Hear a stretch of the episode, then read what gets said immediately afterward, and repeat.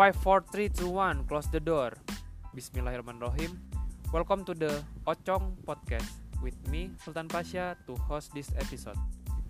So this time, I want to talk about the life story of someone named Yuji Nishida.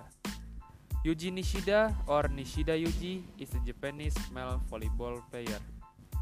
Nishida currently play for Jitex Sting, a volleyball club based in Kariya, Aichi, Japan. He made his debut with Jitex Sting at V League, Japan on 6 January 2018 in a match against Osaka Blazer Sakail. His impressive debut at the young age of 17 soon earned him a position in Jitex starting 6 as well as the Japanese men national volleyball team he is one of the young player in the 2018 roster of the Japan men national volleyball team and 5B Cup final. He made his first international performance with the Japanese national team in 2018 5B Volleyball Men Nation League.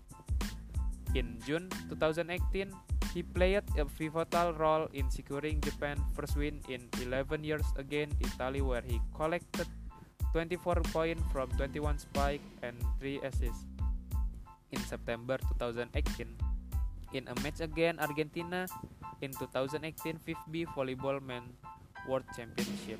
Nishida became the young player ever to score 13 points in a match.